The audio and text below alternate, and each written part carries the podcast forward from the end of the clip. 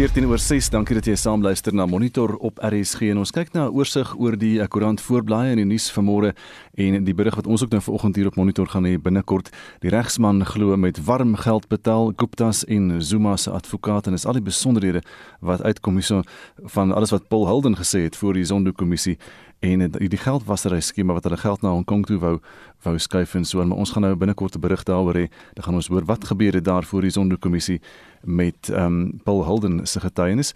Nog 'n berig op die voorblad van die burger Otter staproete ontruim weens Tsitsikamma brand en uh, hier is 'n kaart van waar die brand gebeur het Cold Stream naby Lottering en Komansbos naby Witelsbos. Nou die Otter staproete is natuurlik onder die see, maar die is nou ook ontruim as gevolg van hierdie brand en hulle het 'n storie hier oor mense wat nou besig was op die staproete. President verras werknemers van Kaapse restaurant. Daar's 'n foto van president Cyril Ramaphosa gemasker en gespoor. Hy saam met Idris Adams en hulle is daar van 'n restaurant in Kaapstad in Woodstock uit albei hulle inge ingeloer. Die voorblad van beeld vanoggend in die noorde van die land, Ramaphosa oor Gauteng. Duidelik is strenger reëls nodig. Hy het gepraat gister daar by die kwessie oor die uh, nasionale hawe owerheid, maar dis praat nou oor die uh, inperking vir Gauteng en hy sê dit sal nie die derde vlag elders keer Ehm um, en uh, professor Barry Shoup word hier aangehaal ook en hulle praat nou oor die kwessie van COVID-19 en hoe erg dit gaan in Gauteng uh, onder st om streng regulasies in Gauteng in te stel of om die provinsie geheel en al in te perk sal nie die um, virus in die ander provinsies stuit nie is die mening van professor Bruce Melado. Hy is die hoofmodelleerder hier in Gauteng. Maar president Ramaphosa dan nou wat gesê die inperkingsmaatreëls in veral Gauteng behoort verskerp te word maar hulle gaan 'n vergadering daaroor hê en hulle gaan daaroor beraadslaag. Nog 'n berig op die voorblad van Beeld. Pa hou vol dat baba net moeg is getuig sy Sy glo ma's het reg om te besluit hoe hulle geboorte wil gee. En dit is die storie hier dat 'n vroue wie se eersteling met 'n keisersnit gebore is, sê dit was teen hulle wil en verkies daarna 'n natuurlike geboorte. Jolandi Marits word hier aangehaal of of Jolandi uh, suster Jolandi Marits is 'n geregistreerde verpleegster wat ongeveer 2000 geboortes as vroedvrou hanteer het en meer as die helfte daarvan was by die You and Me geboortesentrum in Pretoria en uh, sy sê sy het nog net 5 klagtes oor haar gehad. So hierdie hele storie oor die babas en daar is 'n betoging aan die gang buite die gebou plakate wat daar opgesit is. Volksblad se digitale voorblad vandag eis teen Gosen reg vir verhoor. Dis die nuus uit die Vrystaat. Vanoggend die tafel is gedek daar vir die verhoor van 'n eis van 9 miljoen rand teen Johan Gosen. Hy is die voormalige Springbok en Cheetah loskakel wat deur sy eertydse boesemvriend Armand Stouman ingestel is na 'n skietongeluk. Business Day se voorblad vandag en hier is 'n berig wat sê die die gelykheidswetsontwerp gaan onmoontlik wees om te implementeer en dit is werkgewers wat dan nou so aangehaal word daaroor. Internasionale nuus op bbc.com vanoggend. Hier was 'n ondersoek gewees deur die BBC in Texas in Amerika, een van daardie migrantekampe en hulle sê dit is hartverskeurende om te sien wat die toestande is by hierdie Amerikaanse migrantekamp naby die Meksikaanse grens en is ook 'n berig wat sê die groot reuse Wall Street maatskappy Morgan Stanley die finansiële maatskappy die bankbasis uh, die baas daar het gesê geen van die werknemers of kliënte sal eers in die gebou toegelaat word sonder volledige inenting nie. En hy het ook vir sy werkers gesê as julle kan gaan uit eet dan kan ek kantoor toe gaan. En dis net so vinnige oorsig oor vanoggend se nuus. En ons bly by die koronavirus se infeksiespesialis Dr. Kloete van Vieren stel voor dat inentings spoedig na mense bo 50 uitgebrei word. Die rede daarvoor is dat minder 60-plussers as verwag vir die inspuitings opdaag, terwyl daar 'n kapasiteit is om baie meer mense in te ent. In die Wes-Kaap wil die DA egter hê die inentingsveldtog moet na 40-plussers uitgebrei word word. Kom ons hoor wat een luisteraar te sê gehad het. Goeiemôre, ek is Magda Gans en ek bly in Pilly Beach Oord, 'n pragtige plekkie naby Gansbaai in die Oeverberg in Wes-Kaap. Ek en my man het saam geregistreer toe registrasies vir COVID bo 60 geopen het. Ons was baie opgewonde toe ons ons eerste reaksie kry. Toe was dit wag vir die tweede SMS. Syne was eerste. Hy moes in Caledon wees vir sy inenting uit hulle toe geskakel om te sê dat dit vir ver is en of hy kan wag tot dit in Gansbaai is. Hulle was baie behulpsaam en het hom gesê dit sal reg so wees. Toe twee weke later kry ek my tweede SMS. Ek moet in Stanford wees. So ry ons deur Gansbaai tot by Stanford net om te hoor dat die enstof het nie opgedaag nie. Nou wil ek graag weet wat van al die 60 en ouer mense moenie rondspring nie. Maak klaar waarmee jy begin het. As die eerste spuit so 'n warboel is, wat is die kanse dat ons 'n tweede een binne 48 dae gaan kry? Ek vra maar net. Hm, ons wil weet wat dink jy daarvan? Nie net oor wat die luisteraar te sê gehad het nie, maar net oor die algemeen dat inentings uitgebrei moet word na 50-plussers. Stuur 'n SMS na 45889, dit kos R1.50 of gaan na Monitor en Spectrum se Facebookblad of WhatsApp vir ons stemnota na 076 536 6961. 076 536 6961. Dis nou 20 oor 6 by Monitor en gister was talle brandbestryders nog besig met die brand langs die N2 pad in die Tsitsikamma woud. Daarom te hoor wat die jongste is, praat ons vanoggend met die voorvalbevelvoerder van die Bosboumaatskappy MTO Forestry en is Bradley Jumat. Bradley, goeiemôre. Goeiemôre Gustaf en goeiemôre aan die luisteraars van RSG. Is die brand nou onder beheer daar in julle omgewing? Uh Gustaf, nee, op hierdie punt het ons nie beheerlyne uh op al die flanke nie, maar die brandgedrag het wel uh, gekalmeer en ons is dankie dankbaar aan die Vader dat hy weer vir ons 'n kans gegee het. Die wind is nie so sterk nie en ook dankbaar vir al die harde werk van die brandslaanders. So nee, die brand is nog nie onder beheer nie, maar wel die N2 wat oop is en dis goeie nuus vir al die luisteraars. Ek wil juist van jou vra want dis die groot ding, die mense ry op die N2 daar en so kan daar nog steeds ry dit is korrek uh die die verkeer kan veilig loop. Hoeveel brandbestryders van watter organisasies neem daar deel om hierdie brande onder beheer te probeer kry? So hierdie is 'n brand wat oor vele uh eienaars grond gaan. So ons is betrokke met baie agente. Dit is working on fire. Dit is Sanparke, dit is ons self MTO, dit is Kokama munisipaliteit en dit is Sarah Bartman distrik munisipaliteit en Sanral uh sowel as uh van die ander agente IC Witche en ons vriende daar oor aan daardie kant uh die bosboumaatskappye. So almal gee hulp en almal help en as ook ehm um, vrywilligers ehm um, wat uh brandslaanders is op hierdie punt. So ons is dankbaar vir al die hulp van al die organisasies wat hier op by en dan ook rampbestuur van die distrik en die provinsie en dan verkeersdepartemente en dan ook die polisie. So almal is in Gustaf. Hmm.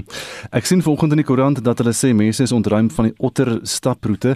Is dit 'n probleem aan daardie kant van die pad suid?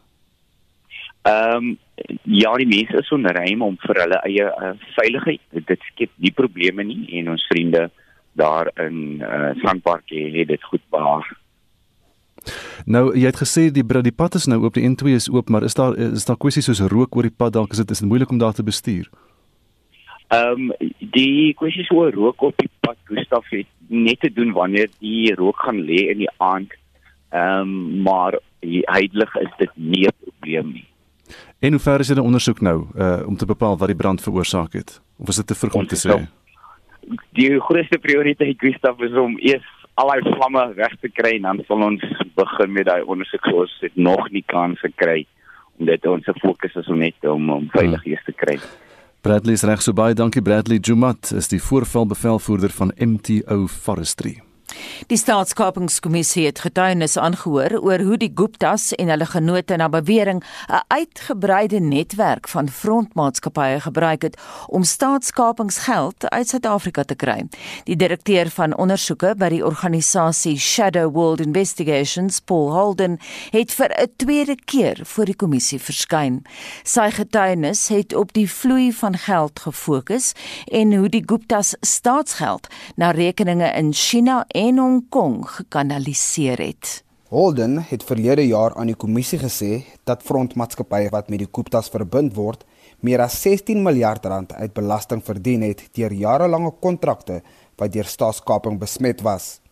Van dese week het hy na die kommissie teruggekeer en verdere beweringe gemaak oor hoe fondse uit Suid-Afrika na buitelandse rekeninge in Asië gevloei het. Die wêreldwye organisasie ondersoek korrupsiesake asook korporatiewe oortredings.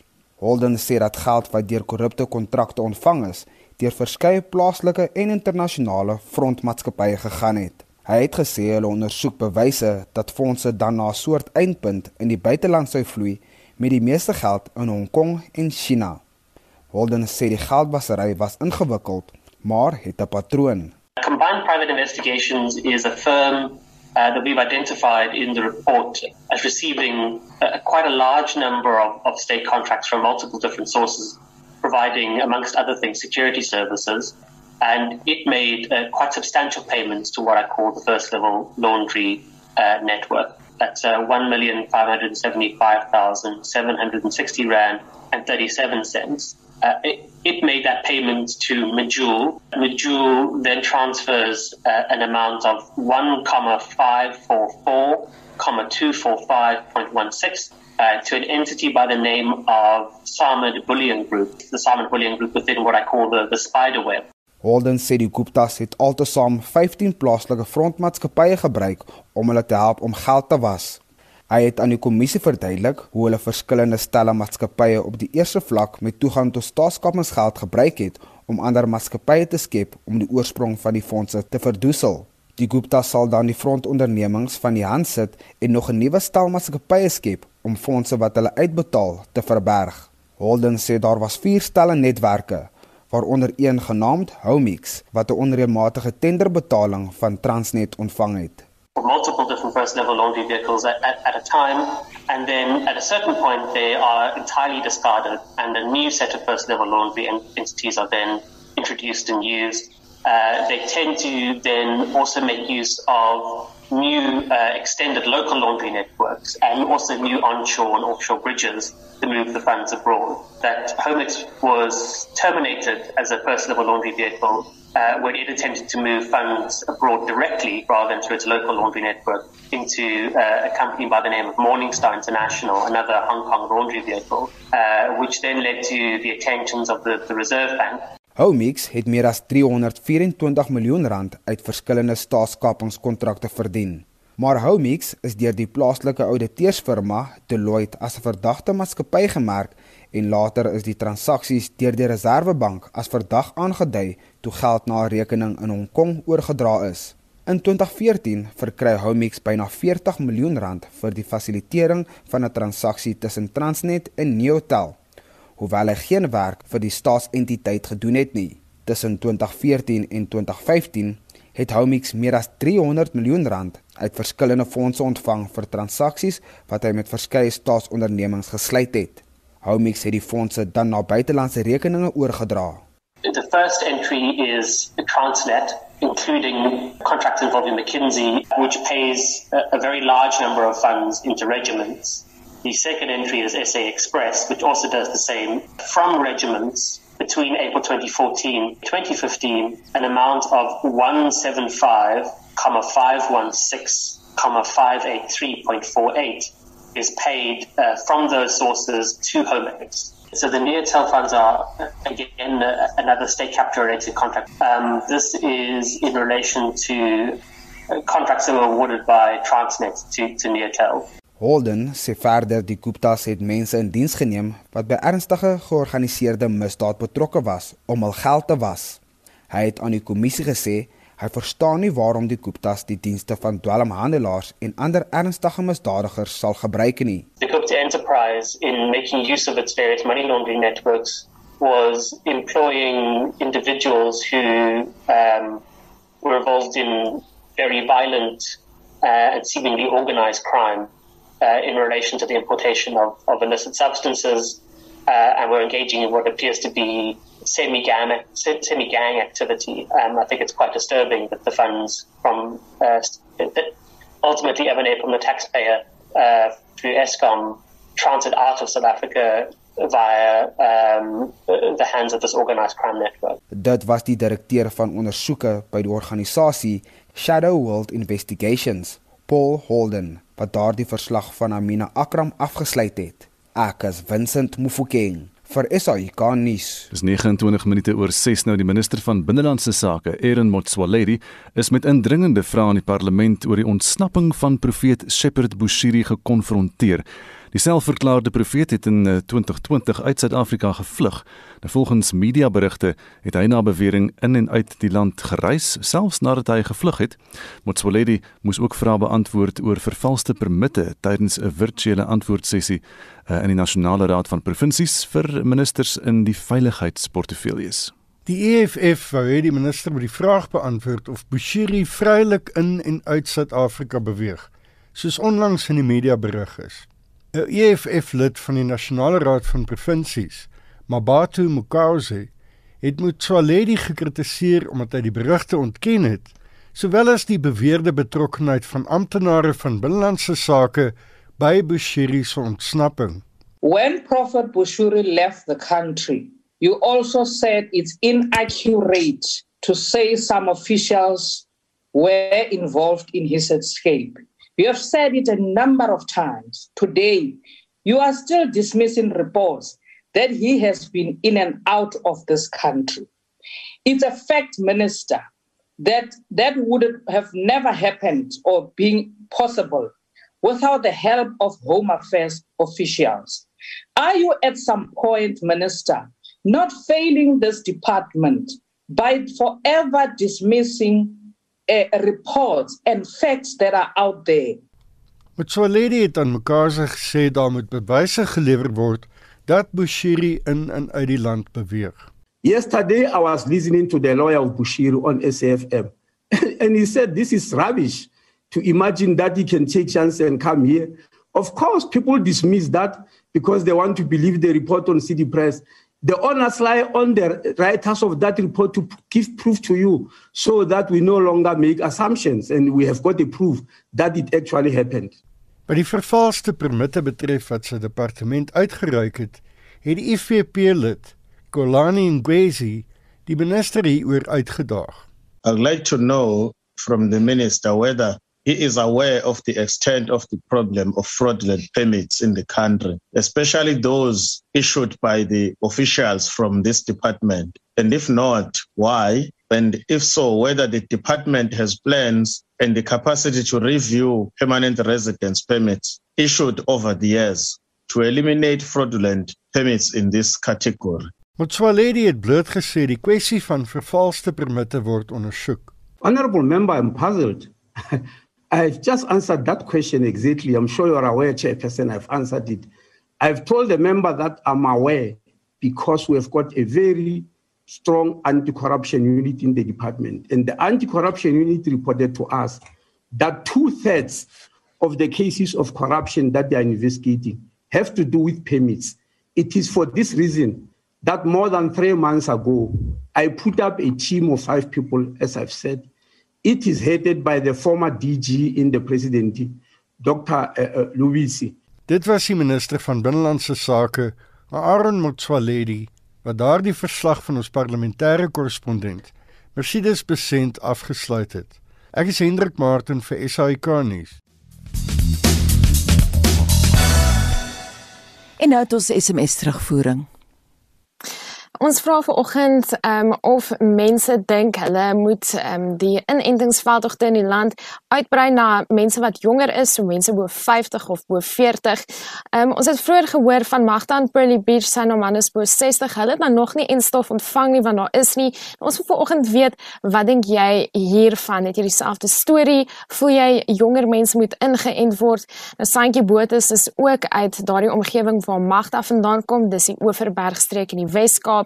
Sy skryf asseblief, die bo 60 skryf dit nie eers nie, daar moet daadwerklik iets gedoen word veral in Betty's Bay, Pringle Bay en Rooi Els vir mense bo 60. Wendy Tyd sê egter sy sê saam, sy ken iemand wat die inentings doen en hulle het nie genoeg mense gehad wat opgedaag het vir die enstof nie. Mense het rondgehardloop om mense te soek om enstof te ontvang, maar niemand wou doen nie.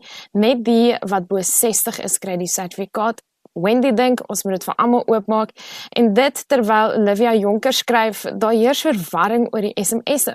Almal wag dat hulle dit moet kry alvorens hulle inenting lokale besoek. Dit moet asseblief vinnig uitgeklaar word. Dan op SMS lyn wonder Hantie uit Pretoria, ek my SMS gekry, maar omdat ek positief was, kan ek nie nou gaan nie en sy wil weet wat om te doen.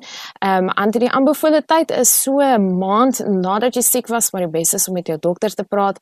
Ehm um, jy kan vir ons 'n SMS stuur Dink jy mense bo 40, mense bo 50 moet ingeënt word of dink jy daar is nog steeds te veel mense bo 60 wat dit nie ontvang het nie? Het jy probleme? Kan jy 'n SMS stuur na 45889, dit gaan jou inderdaad 50 kos. Kan ook saamgesels op Monitor en Spectrum se Facebookblad. Ons is later terug met meer van jou terugvoer. En nou gaan ons na die sportveld hier is Shaun Jooste. Ons kyk vanoggend eers na cricketnuus. In die dag 5 van die ICC se toetskampioenskappe eindstryd in Engeland teen Nieu-Seeland op 64 vir 2 in hulle tweede beurt geëindig en het 'n voorsprong van 32 lopies. Die kaptein Virat Kohli en Jiteshwar Pujara is voor die penne. 'n Ekstra dag is beskikbaar gestel om beide spanne 'n kans te gee om die toets te wen. Die spanne sal die trofee deel met geen wenner uit die stryd tree nie. Die T20 reeks van 3 wedstryde tussen Engeland en Sri Lanka begin vanaand 7uur in Cardiff in Wallis. Hulle sê mekaar ook in 3 eendag wedstryde die stryd aan. Op die rugbyveld takel die Lions en WP mekaar vanaand 7uur op Emirates Airline Park in Johannesburg in die Karibeeke reeks. Die Lions word deur Frank Hoorn en die WP deur Ernst van Rein aangevoer. In die tweede ronde van die internasionale onder 20 reeks in Stellenbosch pak die junior bokke en Argentinië mekaar vanmiddag 3uur. Beide spanne is onoorwonde na die eerste ronde. Georgië speel 1-1 teen Uruguay. Dit is bevestig dat die Springboks het Marcel van der Merwe naby is aan kontrakteken met die Engelse klub London Irish en nie na Pretoria sal terugkeer nie wanneer sy kontrak met die Franse klub La Rochelle tot 'n einde kom. Die Bulls het van der Merwe verlede jaar weer opgerap, maar met spelers soos Trevor Nyakane, Jacques van Rooyen en Morney Smith wat uitstekend vaar, het die Bulls genoeg dekking in die posisie. Sokker. In gisteraand se Europese kampioenskappe het Engeland 1-0 teen die Tsjechiese Republiek en Kroasie 3-1 teen Skotland geseëvier. Engeland en Kroasie het ook nou na die laaste 16 ronde deurgedring. Vanaand in die laaste groepswedstryde draf Spanje teen Slowakye en Swede teen Pole op die veld uit. Dit is 6uur. 9uur kom Duitsland teen Hongarye en Portugal teen Frankryk te staan. En laastens in tennisnuus. Die eerste ronde wedstryd in die dubbelspel afdeling in Eastbourne in Engeland tussen Suid-Afrika se Ryan Klassen en sy spanmaat van Japan Ben McLaughlin en Juan Sebastian Cabal en Robert Farah van Colombia is na vandag uitgestel. Shaun Schuster, SAK Sport. Dis nou 20 minute voor 7 nou Johannesburg se Charlotte Maxeke Hospitaal se kankerafdeling is steeds gesluit en talle pasiënte sit sonder verwysings en groeiende kommer oor wanneer hulle hulle behandeling kan voortsit. Nou die hospitaal het op 16 April uh, gedeeltelik afgebrand, maar op 1 Junie het 'n woordvoerder van die Gautengse provinsiale regering, Tabo Masebe, die volgende aan ons kollega Steven Grootes op SAFM beloof. Well, we want to do that as soon as possible. Our target is to do that uh, this week. There's urgent work that we are doing at the hospital, at the building that hosts the oncology department, because that building was not affected by fire and actually it is a standalone building which is only connected to the rest of the hospital building through a tunnel. So we hope we will be able to do all the work that is required to have that part of the building declared safe so that we can open the services. Is all the equipment still working? I mean, cancer equipment, oncology equipment, very big, very expensive. It's undamaged? Yes, the equipment is not damaged. Uh, it's still working. It was tested. As soon as uh, we are ready to open, we will be able to use the equipment. So all your services will then be running as well, all of the oncology services? All of the uh, oncology services will be running when we open. Intussen span die burgerlike samelewing kragte saam met politici om Charlotte Maxeke Hospitaal weer toeganklik te maak vir kankerpasiënte. Die DA se gesondheidswoordvoerder in Gauteng, Jack Bloom, het sy frustrasie gister so aan Monitor verwoord. I really think this is devastating news. Every day I get called by cancer patients. It's a matter of life and death for them. And they're told that the hospital section would be reopened, and it's not. And maybe it won't even be reopened next month. I, really think that Gauteng Premier David Makura needs to use emergency powers to reopen this hospital. It's intolerable that false promises are made all the time. The alternative arrangements are not enough for the cancer patients. Every minute counts. We can't have any further delays. And I, I really think that this is a complete failure of the provincial government. They're misleading people about when the hospital is being opened, and people are losing hope. It's just too terrible for words. Have you, as the DA, put any pressure on David Makura? I called a snap debate in the Gauteng legislature yesterday, an motion of uh, urgent importance, and uh, I tried to push the issue of reopening the hospital, and all we get is excuses. Uh, I've uh, tried to contact the high level officials and give them some uh, advice. I, really think that it's time emergency powers we use. I don't know what the delay is. We just get excuse after excuse, and uh, the replies we get don't make sense, quite frankly. Why isn't this hospital open when we know that large sections of the hospital are structurally safe? Die Suid-Afrikaanse Kankervereniging se gesondheidsspesialis professor Michael Herbst is ewe ontstoke. Die Kankervereniging van Suid-Afrika is baie bekommerd. Ons kry daagliks kry ons navrae van pasiënte wie se behandeling nie kan voortgaan nie. Hulle het vervoerprobleme, hulle word nie behoorlik verwys na ander instansies waar hulle opvolgbehandeling kan kry nie. En my kollega wat in ons advokatuur afdeling werk, sy het haar hande vol om pasiënte gerus te stel en te probeer om behulpsaam te wees. En dit is iets wat regtig waar lewens in gevaar stel want as jou behandeling eers gestaak is, het jy probleme wanneer jy weer daarna moet begin. Het sy of dit bestraling is en of dit kemoterapie is. Ons speel hier met mense se lewens. Op haar beurt is die Kankeralliansie wat se doel is om pasiënte op alle vlakke te ondersteun, se Linda Greef hard aan woel om vuur te maak onder die gesondheidsowerheid in Gauteng. Vrydag het ons 'n e-pos gestuur aan die MIC plus die CEO van die hospitaal met 'n dringende versoek vir 'n noodvergadering van die kankeralliansie se kant af en ons het gesê hulle teen môre vandag gister 11 uur nie geantwoord het nie dat ons verdere radikale stappe gaan moet neem want hierdie is 'n noodsituasie en ons het gevra vir die samestelling van 'n noodkomitee vir kankerpasiënte spesifiek en toe gister het uh, die TAC die Treatment Action Group wat baie te doen het met HIV pasiënte wat ook baie kanker kry ingestap by die MIC se kantoor om te gaan hoor hoekom hulle nie geantwoord het nie. Toe was hy nie in die kantoor nie skyn maar iewers op die in die veld rond met vergaderings maar hulle gaan vandag weer opvolg ons het 5 uur weer 'n vergadering en dan môreoggend vroeg het ons 'n vergadering met kliniese hoofde, die hoof van radioterapie, die hoof van chemoterapie. Ons gaan aandring op ehm um, noodintrede en ek is bly om te hoor dat die DA druk plaas en ek dink ons moet almal dieselfde ding vra en dat ons dan ons kragte so saamspan want hierdie passiviteit lei tot mense se dood. Die stem daarvan Linda Greef van die Kankeralliansie wat gister met Monitor gepraat het. Nou die Gautengse provinsiale regering se woordvoerder Tabo Masebe het nie gister op Monitor se WhatsApp versoek om kommentaar te lewer gereageer nie. Nou intussen is daai week van 1 Junie lank al verby. Dis die week waar tydens Tabo Masebe die belofte gemaak het dat die hospitaal binne 'n week oop sal wees. Ons praat nou verder vanoggend met Linda Greef van die Kankeralliansie. Môre Linda. Môre Anita. Jy het nou gister gesê verskeie vergaderings is beplan. Wat het gister alles gebeur? Ja, so ons het gisteraand vergader geen verdere kontak kon gemaak word met enige van die leierskap van die premier, die hospitaalbestuurder of die MEC uh van die gesondheidsdienste in Gauteng nie. Dis asof hulle 'n vermydingsspel speel en so net vertragings veroorsaak.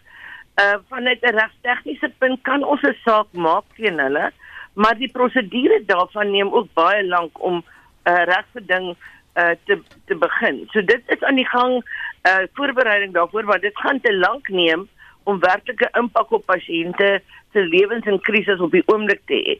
So ons het nou besluit ons gaan ons media uh, 'n uh, uh, aanslag verskerp op twee vlakke. Die een vlak is toegang tot kliniese dienste van pasiënte en ons doen weer 'n beroep op pasiënte wat nie geholpe raak by Charlotte Buketjie of van die hospitale waar hulle heen gestuur word nie om asseblief weer met ons kontak te maak op my kontaknommer 082 5513310 en die ander aanslag gaan wees op die uh, oopmaak van die hospitaal waar ons nou almekaar hoor hoe dat werk gedoen word maar in werklikheid is daar ook werk wat gedoen word wat onnodig is. Mm. So vier, vier deure word opgesit en dan besef hulle ook maar die vier deur wat hulle opgesit het was eintlik 'n bestralingsdeur wat jy nie mag afhaal nie want anders gaan pasiënte wat toegang het tot daai deel bestraal word. Hmm. So daar's duidelik geen kommunikasie nie, geen doelgerigte beplanning nie en daar is absolute oneffektiwiteit van bestuur en leierskap. Julle praat nou van dat julle die media wil gebruik om hierdie saak verder te voer, maar vir ons net so moeilik om die storie te dek, soos wat ek reeds gesê het. Ek sit nou en kyk na my WhatsApp na Tabo Masebe gister. Dit is wel gelees, absoluut geen antwoord daarop nie, selfe by julle, maar ek sien daar is dele van die media wat praat van dat die hospitaal uh, sê dat uh, hulle het nie die korrekte okkupasiesertifikaat om nou weer daai kankerafdeling oop te maak nie. Wat is die situasie daar? Anita, dit gaan oor die vier die die die veiligheid vir vier en dat die brandweer of die die die vier afdeling nie daai sertifikate wil gee nie, maar dit gaan oor oneffektiwiteit, swak beplanning en die die ouens wat die werk doen, praat nie met die leierskap en die leierskap gee nie die regte boodskappe deur nie. So alles word vertraag deur swak kommunikasie. Linda, wat wat dink jy van die feit dat Jack Bloem nou sê die pad nou is deur die premier, David Makura, ja, moet nou sy magte gebruik? Ek dink dis wat ons om nou moet doen om te doen en ek dink as ons nou dis hoekom ons die die noodoproep gemaak het vir 'n kliniese komitee wat weet wat die impak is op pasiënte vanuit 'n mediese perspektief moet nou vir David Mabura letterlik daarop aandring dat hy daai magte gebruik. En ehm um, wat daai masjiene is toeganklik in Charlotte Buketjie hulle werk nog. Ehm um, dit mag nie weet genoeg wees nie, maar dis beter as niks en daar is ook vier 'n uh, eh, 'n uh, privaat maatskappye wat bereid is om te help om waglyste af te werk. En daai goed moet geïmplementeer word. So dis nie asof daar nie hulp is nie, daar is hulp. Mm. Dit moet geïmplementeer word. Linda net op 'n praktiese vlak, eh, jy is oorval deur luisteraars se oproepe die laaste keer toe ons 'n onderhoud met jou gevoer het. Wil jy nie net weer stadig jou uh, selnommer daar vir luisteraars gee waar hulle jou kan kontak nie? Ja, my nommer is 082 551 3310. En dan wil ek vra as u my kontak, stuur vir my jou hospitaal kaartjie 'n foto van jou hospitaalkaartjie nommer met 'n WhatsApp wat dan vir my die problematiek gee met jou kontakdetails. Dan het ek alles wat ek nodig het. Ek hoef nie eers met jou te praat nie. Kan onmiddellik aksie neem en dan terugkom na jou toe. Dan gaan ons baie vinniger meer mense kan help. Baie dankie en daai belofte kom van Linda Greef. Sy is van die Kanker Alliansie en net haar nommer vir luisteraars wat haar wil kontak 082 551 33 10. So 10 minute voor 7 en ons bly by die storie nou om uit te vind oor watter magte 'n premier soos David Makura aan Gauteng dan nou het. Praat ons met 'n regskenner verbonde aan die Universiteit van Pretoria, dis professor Llewellyn Kerloos. Llewellyn, goeiemôre. Goeiemôre. Jy het nou gehoor dat die DA se gesondheidswoordvoerder in Gauteng uh, hierdie week druk geplaas het op premier Makura om hulle praat van sy noodmagte te gebruik om die Charlotte Maxeke Hospitaal vir kankerpasiënte te heropen. Het hy sulke soort magte? Ja, ek wil net die opmerking maak, uh, dit klink vir my baie pateties dit wat ek gehoor het hierso. Jy weet, in regte sou mens dit wat ons hierso mee te doen het uh en ons moet onthou uh 'n politiek uh, politisie is maar eintlik 'n spesie op hulle eie en ek dink daar's 'n weerlegbare vermoede of miskien 'n onweerlegbare vermoede as ons dit in regsterme moet stel uh in hierdie verband. Maar dit gesê, jy weet, die Afrikaanse gesegde lê haastige hond verbrand sy mond. En uh dit is soos 'n atleet wat aantree vir 100 meter uh, wedloop en dan politisie in hierdie geval die premier wil op die 80 meter streep wegspring en dan die wedloop wen en dan die natuurlik die die uh die goue medalje daarvoor ontvang. Ehm um, tyd en geld as jy my vra is die twee groot probleme waarmee David Makura hierso te maak het. As 'n mens kyk na hoofstuk 6 van ons grondwet, dan word die magte en die verantwoordelikhede ensovoorts van provinsies uiteengesit. En meer spesifiek artikel 127 sê watter magte en gesag dan in 'n premier vestig. Nou net net vir agtergrond, 'n premier is 'n soort van kom ons noem dit 'n mini president. Dit is die uh kom ons sê dan nou maar vir mekaar hoofminister in aanhalingstekens van 'n provinsie wat natuurlik die politieke leierskap van daardie provinsie voor verantwoordelik is. Hy gee die uh die toon aan die oorkoepelende rigting waarin die plaaslike regering homself bevind en hy is natuurlik primêr uh, verantwoordelik vir die implementering van provinsiale wetgewing en dan natuurlik gedelegeerde wetgewing van die nasionale uh, vergadering se kant af. Dit gesê, het hy die verantwoordelikheid en hy het die magte natuurlik meer as enige van sy ander sogenaamde MBC's, lede van die uitvoerende uh, komitee om besluite te neem en af te dwing. Nou dit wat ek gehoor het in die insette, uh, is dit baie duidelik dat as daar een persoon is wat moontlik inspraak kan hê en dinge kan uh, bespoedig, dan is dit hy. Maar uh, ons moet realisties wees. Die groot probleem waarmee die provinsies heidaglik sit en ek dink hier is nie die provinsies nie, ek dink dit is dit is die hele uh kom ons noem dit nou maar uh, regering uh en by uitstek die ANC om dit by name te noem is ge, het twee probleme en dit is natuurlik finansies en dan natuurlik om beloftes te maak en nie by hulle beloftes te hou nie.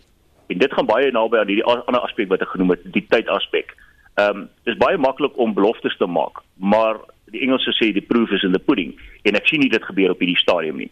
As 'n mens praat van van enige wetgewing rondom uh fondse en befondsing, dan is artikel 120 uh van toepassing wat spesifiek praat oor enige geldelike uh uh wetgewing wat van toepassing is op provinsies. En dit is hierso waar daar 'n natuurlik voorgeskrewe prosedures is wat gevolg moet word alvorens dit geïmplementeer kan word. Luan hierdie is 'n provinsiale hospitaal met ander woorde, mense sou dink daai LER in David Makura se kabinet, die LER vir gesondheid is in beheer um, met daardie gedelegeerde mag van hierdie hospitaal. Hoe werk dit in ons stelsel met die LER en die premier? Is daar is daar as hy 'n primus inter pares is met ander woorde is hy kan hy oor die kop gaan van sy eie LER of mag hy nie? Ja, ek dink nou Rabbi uit uit daardie bevoegdheid nie. Uh kyk, uh, natuurlik het hy in in sy eie provinsie het hy het hy, het hy baie magte. Uh maar wanneer dit kom by by goed soos hospitale en ander uh instellings entiteite, dan is die vraag natuurlik uiteindelik waar vestig die eienoomsreg van 'n hospitaal. Ek ek dink nie een provinsie kan homself die mag toeëien en sê dit is dit behoort aan ons nie. Ek dink indirek uh is dit miskien gedelegeer aan die provinsie, maar uiteindelik dink ek lê dit die uit die, die besluitnemingsbevoegdheid uiteindelik by die LER en op nasionale vlak. Hierdie kwessie wat ons nou gehoor het van die okkupasie sertifikaat. Uh, dit klink nou soos 'n tegniese, weet jy, hekkie in die pad hierdie uh, wat praat van bouplanne en nooduitgang deure, vuur deure of maar nou praat uh, ons gehoor van dis bestralingsdeure. Dit klink vir my so 'n bietjie onbeholpe wat daar aan die gang is. Wel, dit klink nie net onbeholpe nie, dit klink belaglik.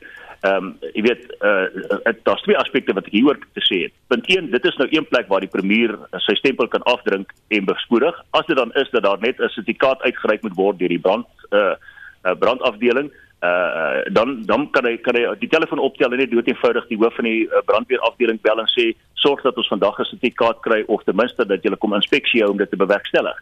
Natuurlik is dit so dat dit onder geen omstandighede toegelaat behoort te word dat 'n hospitaal of enige ander entiteit funksioneer as hy nie voldoen aan al die uh uh veiligheidsmaatreëls wat insluitende is okkupasiesertifikate en dis meer nie. Dis die eerste aspek. Die ander aspek uh, wat ek gehoor het is dat uh een van die van die van die van die van die persone wat ingebel het of, of geskakel en gepraat het, het gepraat van uh jy weet ons het nie tyd uh aan ons kant nie en dit is so, maar hierdie is een van daardie gevalle by uitstek wat ek seker is 'n hof op 'n dringende basis genader kan word. Uh, 'n Dringende aansoek in dieselfde dag aangehoor word. So daar's absoluut geen rede hoekom daar dan nie by hierdie entiteite wat dan 'n belang hierby het en dit sluit die DA en ander belanghebbendes in om onmiddellik op 'n dringende basis hof te nader en hierdie mense tot verantwoordelikheid te dwing nie. Llewellyn laastens baie vinnig kan die kankerpasiënte self 'n siviele eis instel. Wel, ehm um, daar's natuurlik dan moet natuurlik altyd voldoen word aan sekere elemente uh in delituele uh, prosedures en in vereistes wat gestel word. Ehm um, as daar 'n saak uitgemaak kan word dat benadeling plaasgevind word en ek dink hier is definitief so 'n saak uit te maak, dan uh, sal dit nie uitgesluit wees dat 'n siviele eis moontlik in die vooruitsig gestel kan word nie. Maar dit dit is 'n geldelike gewin.